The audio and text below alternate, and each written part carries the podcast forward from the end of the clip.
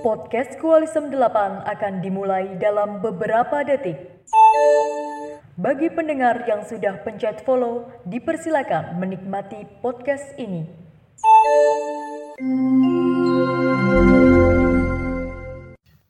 Halo halo, selamat datang di podcast Kualisem 8 di segmen 3M. Mau masuk mana? Iya bener banget nih, udah nggak kerasa udah di ujung acara nih. Eh di ujung podcast nih. Ujung episode-episode, iya sih bener Iya, di ujung. ya ini di ujung podcast ini bukan ya. ya. Lanjut lanjut lanjut. Nah di episode ter- terakhir Koalisi 8 ini para MC kumpul bareng nih Tapi waktu kemarin waktu kita opening di awal itu ada yang ketinggalan dua MC nih Tapi kalian udah pasti denger lah ya suara-suaranya di episode-episode sebelumnya Boleh kenal kenalan dulu gak sih? Formalitas lah ya, kan kalian belum kenalan di podcast ini. Aku bukan sih. bukan ya. Anda kan pelengkap sudah kan? Aku ya? udah lengkap banget ya, udah lengkap banget ya. Lengkap banget sih. Ayo, Aku dulu ya. Kalau kenalin aku Sasha dari jurusan Ilmu Komunikasi Universitas Jenderal Sudirman dari Divisi Fasilitator. Oke, sekarang gantian aku ya. Halo, aku Nafira dari Prodi Ilmu Politik Universitas Negeri Semarang dari Divisi Acara. Ya. Di. Bangga banget. Oke deh. Terus nih episode terakhir mau ngapain sih kan koalisi besok banget ya enggak sih? Iya, besok banget. Besok banget BBL, besok banget ya kan. Besok banget loh Besok banget lah ya kan. Nah, kayaknya tuh kayak mau ngasih kiat-kiat nggak sih persiapan koalisem tuh. Besok mau ngapain gitu kan. Eh, nggak besok mau ngapain sih. Persiapannya besok apa gitu kan. Kan besok hari H yang udah kayak ditunggu-tunggu nih podcast nemenin kalian tiap hari menuju koalisem. Kudu nyiapin apa sih Kak Afik selaku ketua panitia gitu kan. In case yang denger tuh lupa kalau dia ketua. Jadi aku ingetin lagi ya kalau Afik ketua. Apa Kak Afik? Oke, yang penting eh, kalian siapin aja fisik sama badan kalian ya. Terus yang penting niat juga. Terus laptop, HP, wifi, kuota juga jangan lupa. Terus sama nyiapin pertanyaan nih, karena soalnya ini kesempatan yang langka gitu kan. Mm-mm. udah didatengin narasumber yang bagus jangan lupa buat bertanya nih ada kesempatan bagus dimanfaatin sebaik-baiknya Iya nih benar banget. Mungkin bisa gitu pas talk show atau enggak pas traveling gitu lebih eh, apa nanya yang lebih spesifik lagi gitu. Tapi eh, kemarin kan udah ada nih Q&A yang kita kumpulin yang mungkin sifatnya itu general. Jadi kita nggak masukin ke episode jurusan sebelum-sebelumnya nih. Nah, di sini kita bakal jawabin pertanyaan-pertanyaan yang sifatnya general itu. Oke. Nah, langsung aja nih kita masuk ke Q&A. Jadi kita ada first question nih. Cara biar nggak salah jurusan. Itu gimana sih teman-teman? oke buat biar nggak salah jurusan nih kayaknya udah pernah dibahas di episode 6 nggak sih Iya benar-benar. nah kan ada ada tuh tips and trick di situ buat biar nggak salah jurusan buat kalian yang belum dengerin bisa nih langsung didengerin di episode 0 terus yang udah buat yang udah dengerin pasti udah tahu nih tips and trick biar nggak salah jurusan nah kalau yang udah dengerin lupa atau gimana boleh banget nih dengerin lagi Iya, jadi Nah, ya ada nih. ya, ada episode nol lah ya. Jadi jawabannya itu ada di episode 0 ya teman-teman Hmm. semua. Terus eh, ada pertanyaan nih, kegiatan di perkuliahan itu apa aja sih kak? Atau mungkin ngapain aja gitu? Ya pastinya kan kita Ya, kuliah, kuliah gitu ya. Kuliah tidur, kuliah tidur. pastinya. Tapi kan kalau di SMA itu kan jam belajarnya kan udah pasti dari pagi sampai sore kita belajar. dulu Nah, kita ya. Ya dulu kita pernah mengalami. malah lebih dikit ya Ya tapi jam kalau pelajarannya tapi kalau di kuliah itu jamnya tuh kayak beda-beda gitu loh. Ada yang pagi, terus ntar istirahat berapa jam, terus kuliah siang, kuliah sore gitu-gitu. Eh tapi mereka juga waktu sekolahnya ada yang kotor-kotoran gitu gak sih gara-gara Iya, iya. Sekarang. cororong ini. Seorang cororong. Omicron dan omikron gak sih? Omicron. Gara-gara ada fusion nih Omicron Sungguh sama meresahkan sekali. Oke, nah terus mereka tuh kayak udah latihan itu nggak sih? Latihan kelas kuliah sebenarnya ya, Iya, karena benar. mereka shift-shiftan, ada yang pagi, ada shift siang gitu kan. Terus next question aja deh, cara agar punya relasi tuh gimana sih kak? Eh ini tuh kayaknya buat Elmo gak sih? Karena Iya. relasi Elmo tuh luas Luas banget. sekali suasa samudra banget Iya. sih. Mau masuk mana aja ada relasinya saya. Iya. Mau masuk angin pun saya punya. Baik. Ini masuk mungkin surga ada nggak Apa? masuk surga Masuk surga. Wah. itu itu saya belum punya sih. Kalau saya punya juga saya mau. Mau dicoba sekarang mau masuk surga. Ya jangan dong. Itu masih coba-coba loh. Nah ini mungkin gimana ya? Wah, kayaknya waktunya untuk jadi bijak ya. Sudah saatnya mau. Sudah saatnya. Mungkin kalian kayak cari kegiatan sih perbanyak kegiatan ikut ikut apa kepanitiaan terus ikut organisasi ikutin kayak gitu aja ikutin ikutin ikutin nanti juga stres sih gitu kan biasanya kan gitu Nanti juga dapet relasi gitu ya lah ini juga dapat relasi sama stres juga Iya, iya sih, ya benar. Dan gitu. Dibanding lurus lah ya. iya tentunya kebanyak banyakin juga lah itu relasinya Oke. eh relasinya kegiatannya maksudnya sorry Nah, iya, sip. Mantap nih, keren banget nih Kak Elmo. Terus nih lanjut, kalau SNMPTN itu boleh linjur nggak sih? Boleh nggak nih? Boleh nggak nih? kok kamu lihat-lihat siapa kamu jawab bro Paham, boleh nggak Bu. nih? Oke. Aduh, Kak Sasya. Kayaknya boleh nggak sih? Aku- Tadi aku harus ngomong ya. boleh tapi itu nggak disarankan ya. Dari LTMPT juga dari LTMPT juga nggak disarankan. Apalagi dari IPS bahasa linjur ke Saintek itu nggak disarankan. Terus eh, karena pejuang linjur SNM itu kecil banget tapi kalian ingat nggak di episode jurusan yang baunya cuan pas satu itu kan ada Irda dia MIPA tapi keterima SNM manajemen UGM karena emang passion dia di sana terus dia juga punya backingan piagam yang bagus dan sejalan gitu sama jurusan yang dia pilih kalian bisa dengerin lagi deh episodenya Jadi Nah, yang iya penting benar. itulah ya apa ya? eh, udah udah jelas dan aduh gimana sih ngomongnya kan Iya. jadi bingung kayak udah udah pasti kalau sama SNM linjur berarti emang diri kamu siap gitu loh Iya. karena yang sejurusan aja belum tentu keterima ya Ah, kan Itu waktu itu kemarin kita yang ini nggak sih? iya bener Ah, kita iya. yang Iya, perbanyakin piagam sertifikat, tapi jangan Iya. sertifikat rumah. jangan gitu dong. beda dong sertifikat yang mendukung jurusan yang mau kalian Hmm, pilih iya Iya, benar benar. lebih bagus sih gitu ya Nah, ya betul banget tuh tadi intinya gitulah ya berbanyak kayak piagam-piagam apa istilahnya. Istilahnya gimana ya? Ya disarankan ya jangan lah ya Iya, intinya iya, gitu. iya, iya. Nah, terus nih, ini ada pertanyaan lagi nih. Jurusan yang rekomen buat masuk ke Pertamina gitu. Aduh. Ini Pertamina bukan SPBU ya maksudnya lah ya. Bukan itu loh. Pertamina kan terkenal banyak cuannya lah ya. Iya, banyak cuannya. banyak kan ya. Kalau emang incarannya Pertamina sih bisa daftar ke Universitas Pertamina. Mungkin kalau misalnya nggak tahu gitu ya ada eh, universitas swasta gitu, Universitas Pertamina. Tapi karena swasta yang pasti mehong ya, Nah, iya, banyak benar. duitnya. Terus kalau misalnya jurusan yang lain yang bisa masuk Pertamina itu ya fakultas yang jelas FTTM. Eh, apa sih kalau FTTM kan ITB ya? Maksudnya Iya. teknik pertambangan perminyakan itu tapi bisa juga dari teknik industri teknik kimia teknik mesin elektro akuntansi juga bisa manajemen kayak banyak lah Banyak tapi banget. rekayasa hayati juga bisa bukan masalah tanaman doang gitu kan karena tambang dan pengembaraan minyak tuh kan jatuhnya eksplorasi ya jadi dapat merusak lingkungan nah jadi butuh lulusan yang ngerti lingkungan makanya masuk SITHR ya Oh iya, ini promosi ya. Promosi ya. Kayaknya yang tadi bukan tips tapi emang promosi aja tadi tuh Iya, kayaknya. iya benar. sekalian dong oke Oke. Eh, kita lanjut aja ya. Em, ke pertanyaan selanjutnya itu ada kalau misalkan mau masuk ke dinasan itu mendingan ikut SNM atau enggak nih?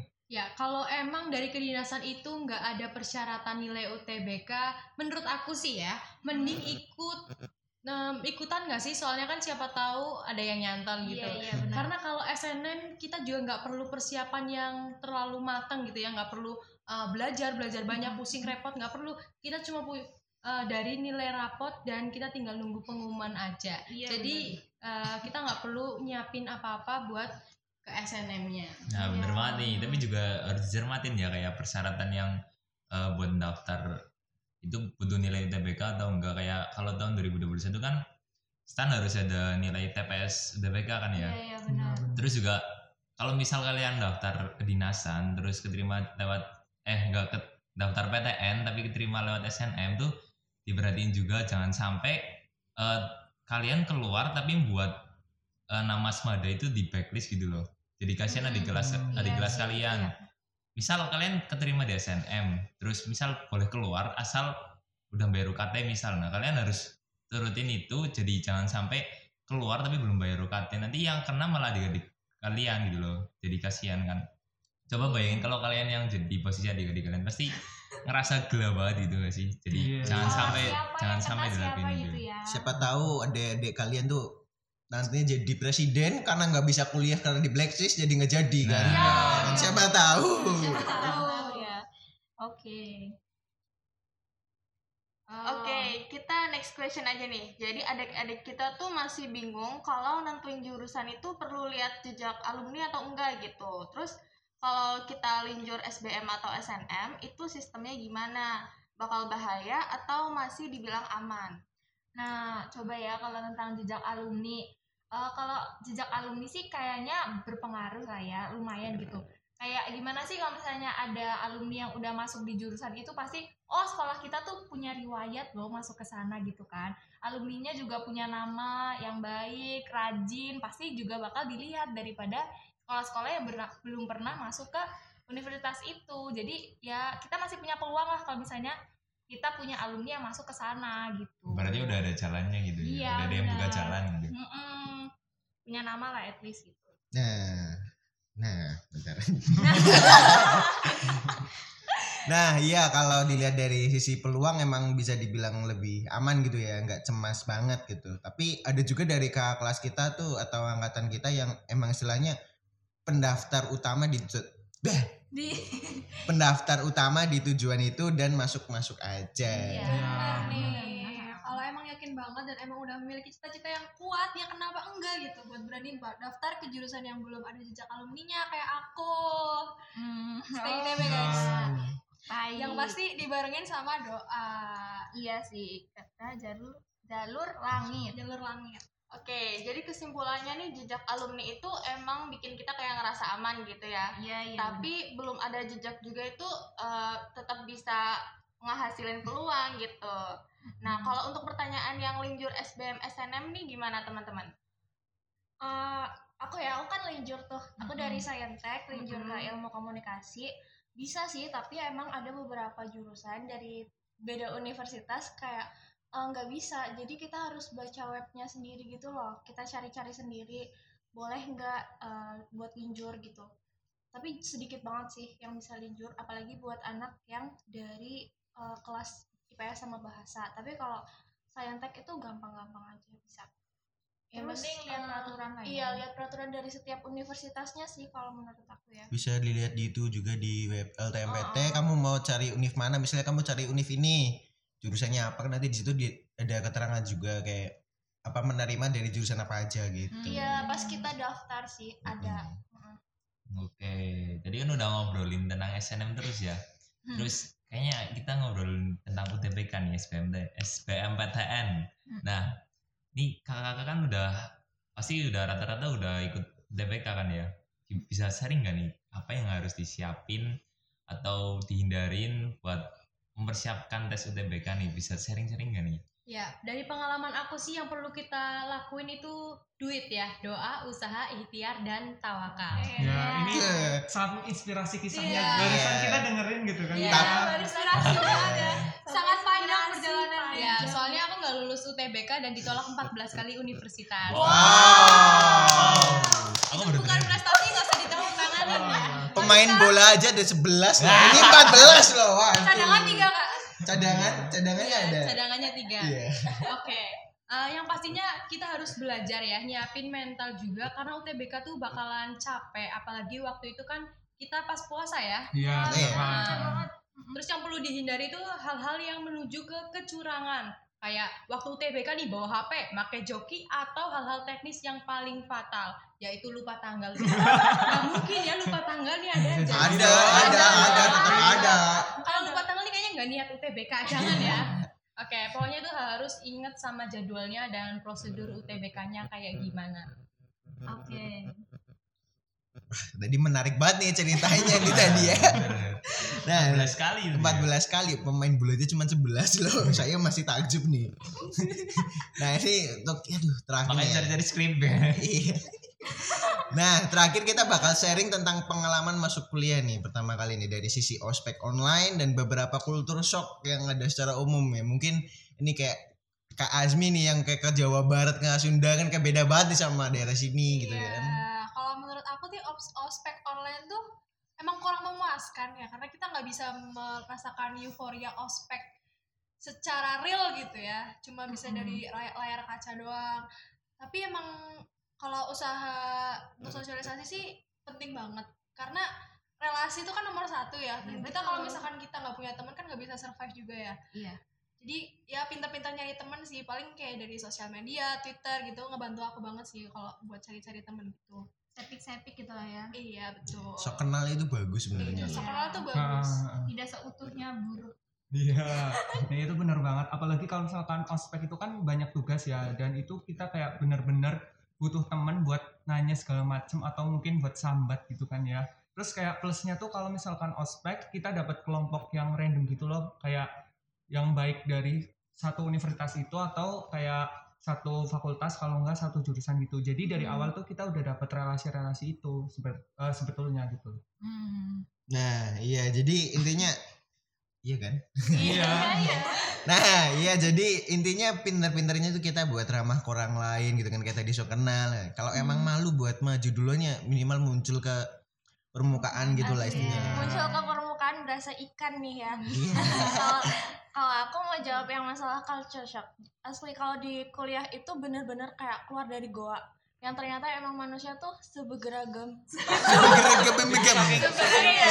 kan biasanya kita cuma ngomongin budaya ras gitu ya perbedaannya. Aslinya mah nggak cuma itu ada Iya. banyak banget. Benar-benar benar banget. Itu mah dari eh, sisi sifatnya gaya belajarnya cara ngomong cara ngatasin masalah kepemimpinan dan masih banyak lagi Eh, walau kalian udah ngerasa paling jalan-jalan jauh nih di kuliah tuh bakal ngerasa manusia seberagam itu Iya. gitu Nah, hal itu tuh emang kayak seru banget sih gitu. Jadi, walaupun kita culture shock, tapi kita bakal dilatih buat adaptasi gitu. Dan kita juga bakal dituntut buat punya per- buat punya pegangan gitu, semacam prinsip diri lah gitu. Aku kira pegangan itu. pegangan apa nih Apa nih? apa nih Oke oke. Nah ngomongin prinsip kuliah kan ya, ini kan kayak berkaitan gitu loh sama prinsip kita kalau ikutan kegiatan di perkuliahan gitu. Nah kalau teman-teman yang udah ikut UKM gitu ya atau organisasi atau himpunan gitu, apa sih pertimbangannya buat ikut mereka? Oke, mungkin kalau dari aku sendiri itu ke- ikut kegiatan itu pertama kita tahu dulu kita maunya apa gitu, minatnya di mana, kemudian eh, masalah kita takut atau gimana gitu ya, rasa-rasa yang kayak buat kita ragu itu sebaiknya agak disingkirkan dulu gitu. Karena kalaupun kita masuk, kita pasti bakal bisa berkembang gitu bareng-bareng di sana. iya Kayak ini nggak sih kayak apa? eh, kita udah insecure dulu nih di awal-awal, tapi pasti kita bisa kok lakuin itu gitu. iya ya bener banget ya apalagi kalau kita udah minat dan suka gitu pasti ngejalaninnya bakal seru juga plus plus potensi kita bakal terus terasah dan terus kelihatan Iya benar. Balik lagi ke istilah ikan muncul ke permukaan nih ya. Jadi kalau potensi kita udah kelihatan sama minimal anak organisasi atau UKM itulah, ya, itu bakal ngebikin kita punya status sosial lebih, eh, apalagi kalau sama anak luar baik dalam univ atau luar univ gitu. oke berarti bisa Tapi bentar disimpulkan- nih, tapi biasanya nih kalau misalnya kita munculin potensi di awal, kita jadi budak. iya Biasanya gitu kan. Akhir-akhir. Jadi agak hati-hati juga sih. iya sih bener juga sih cuma kan apa salahnya gitu kan Iya. itu bisa jadi CV loh guys Ya. Berarti bisa disimpulkan selain minat dan potensi yang tersalurkan, status sosial kita bisa jadi naik nih, artinya populer gitu. Famous, Famous. famous, Famous. famous, Nah, famous gitu lah hits ya. gitu lah ya. Balik lagi sekaligus buat nyari relasi ya kan kalau misalnya Iya. kita Dan bener nyari. CV guys. Pokoknya Iya. ya emang sih capek ikut organisasi jadi budak dan segala macam. Mungkin ya di uh, mata orang lain kayak gitu, tapi jangan lupa itu tuh pengalaman yang bakal buat bekal jadi kalian kayak nanti di dunia kerja tuh bakal dibutuhin juga. Iya, karena kamu nggak bisa balik lagi. Aduh, kenapa sih aku nggak ikut? Kayak aku ternyata kuliah cuma kuliah tidur, kuliah tidur gitu ya, kan. ya udah. lah istilahnya. Iya. Ya, istilahnya kalian pas kuliah capek tapi nanti nggak capek nyari kerja gitu Iya, kan. iya, iya, iya. Mending nyesel udah mencoba daripada nyoba sih? Iya. Kali. Nah, nih mantap banget nih ya penjelasan dari pertimbangan-pertimbangan masuk UKM atau organisasi kuliah tadi. Oke, karena kita udah masuk ke menit-menit terakhir nih. Kita bakal akhiri dulu podcast kita. Aduh. Ih, sayang banget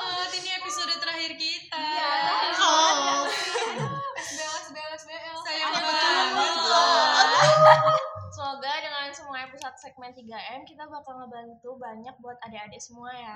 Amin. Nih, nih jangan lupa loh besok nih besok banget. Besok Tapi banget loh. tapi nih adik-adik dengerin jangan sehabis koalisem itu udah lewat dong. Kalau habis koalisem ya nggak besok. Iya. Kemarin udah lewat. Jangan lupa nih besok ikut koalisem loh ini. Harus ini wajib sih. Iya. Oke, aku mewakili teman-teman podcaster atau MC di sini eh, mau ngucapin terima kasih buat dari gading yang udah nyimak episode-episode kita dan udah eh, apa ya kayak antusias buat nungguin episode-episode selanjutnya. Iya. Dan kalau misal mungkin suara kita nggak enak didengar atau penyajiannya kurang enak buat didengar sama kalian, aku mewakili semua eh, MC di sini, mohon maaf. Dan kru yang bertugas Oke, bener banget tuh. Udah, pokoknya semua panitia, semua yang terlibat di koalisi ini aku mohon maaf mewakili semuanya. Dan Dan kita pamit undur diri nih. Iya. Eh, kita juga ngucapin terima kasih ke adik-adik semua nih yang udah dengerin kita dari awal sampai ke episode akhir ini gitu ya. Terus juga eh, kita juga apa ya ngucapin terima kasih ke semua tim podcast Koalisem. kok diulangin lagi mas? Hah?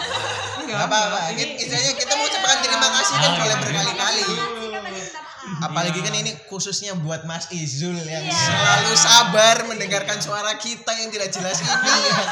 Oke intinya Sebelum marah-marah di grup, Iya.